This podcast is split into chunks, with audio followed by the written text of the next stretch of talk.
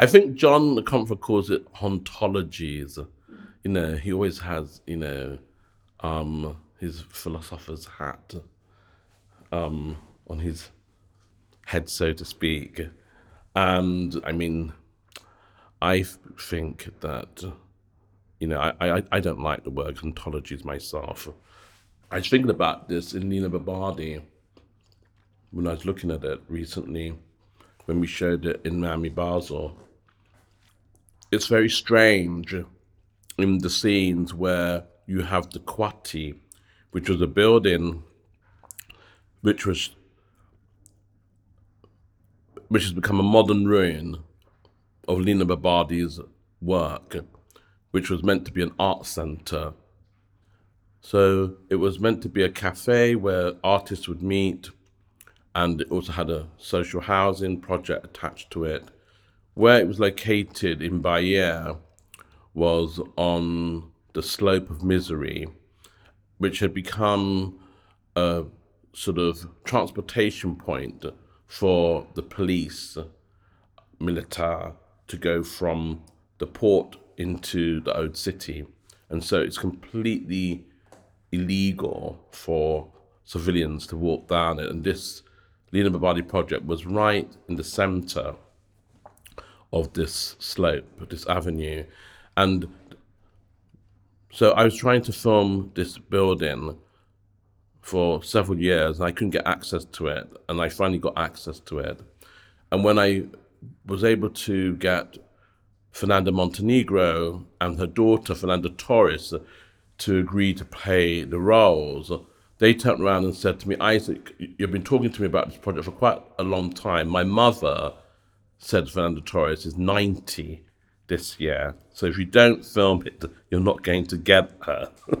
so I had to really you know, get on with it and be shot with them in this building. And I, when I was looking at this sort of moment in the film, I think, oh wow, it's really quite uncanny to have the mother and the daughter play Lina Bo Bardi as a young Lina Bo Bardi and an older Lina Bo Bardi in this space that Lina Bo Bardi originally built, which has become a modern ruin, which we got access to but then to have her come back into the space, and I thought that was like quite a haunting image, actually. And because when you're making the work, you're making the work, and then it takes some time to have a bit more distance from it, and then you can just view it.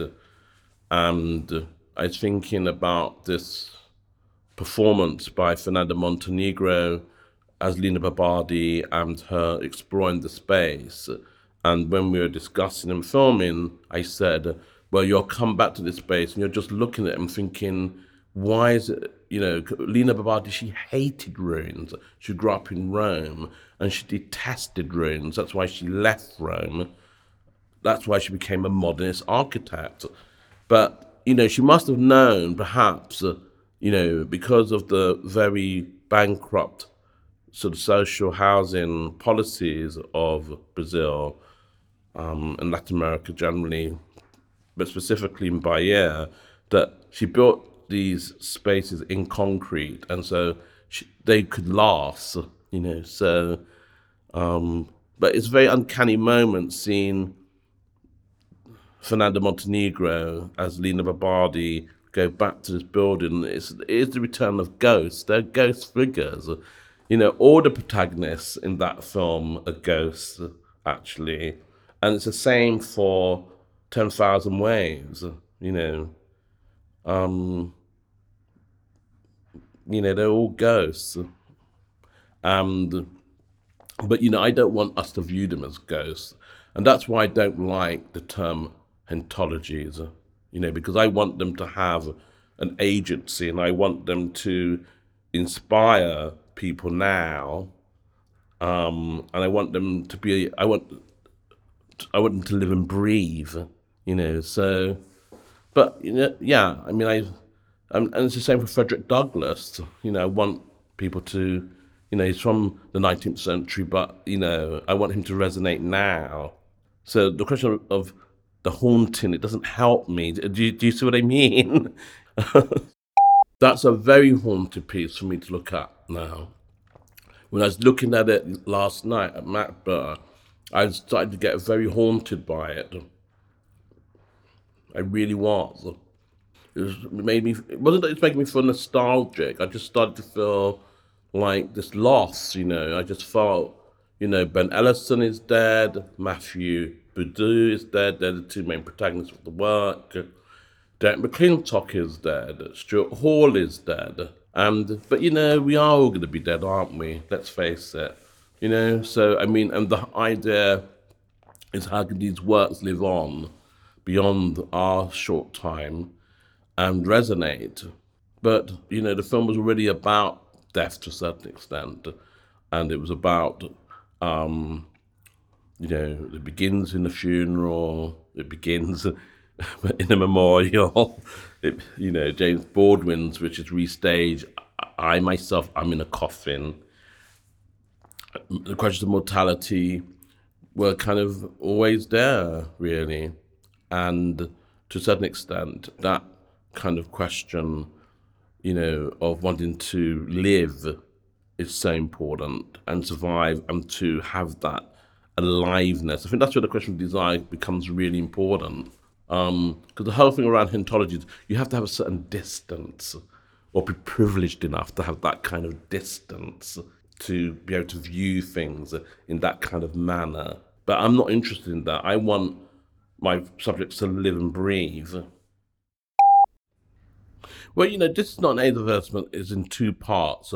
One part is quite elegiac, and then one part is like an advert, you know. And so, in a way, um, it was against the kind of what I saw as a kind of new punitism, you know, a puritanical politics that had developed during the sort of late 80s. And it was targeting queers and their desire and sex, and in a way, trying to contaminate it was really very successful at um, stereotyping and penalizing um, your sense of self. And so I think also at that time I was in conversations with Douglas Crimp, and it's when I first met him and I went to ACT UP meetings in New York. You had the beginnings of uh, ACT UP in London, but it wasn't called ACT UP had another name, and basically, in a way, there was this this question of activism, you know, and that's where you get the agitprop, you know, because it had a certain urgency, and uh, this is not an advertisement. Really, is be it's 1986, 87. It's just at the beginning of lots of my friends um, beginning to be affected by AIDS um, and and the related illnesses which developed in relationship to it. And in a way, I wanted to make a work which was just trying to give this period a picture. And at the same time, it was a video artwork, you know, so it's very much a video artwork. It's probably the most video art piece I've ever made. you know, so, and it's utilizing Super 8 and video and it's made in a very um, and it's also using kind of graphics, you know, as well, of course. Um, that kind of topography, you know, this is not an AIDS advertisement, and so it's Krugeresque, you know, in that way, and you know, and I saw the second part as a propaganda video for Gay Desire. Yeah, it was it, it was definitely a kind of um, way of just also trying to bring back that question of the body politic, which was being, you know, um, hijacked at that particular moment. But I saw it as a kind of little work. It wasn't a work which was doing the kind of things that the ACT UP videos were doing, you know, which were kind of these kind of quite, you know, big documentary series and in fact, I did actually work for a series um, in 1995. It was called Testing the Limits. and it was really it was with a group called Test and Limits who were involved in ACT UP and making videos, and I made a series um, which was looking at American um, sort of queer civil rights. So there's uh, some conjoining that happens in the sort of mid 90s around these questions. Well, in looking for Langston, there was no images of Langston Hughes. We found some of them. Um, the subject is jazz, is the footage that Langston Hughes appears in, which is a TV program. I think it's from 1957. And basically, he is reciting a poem called Ballad of the Fortune Teller.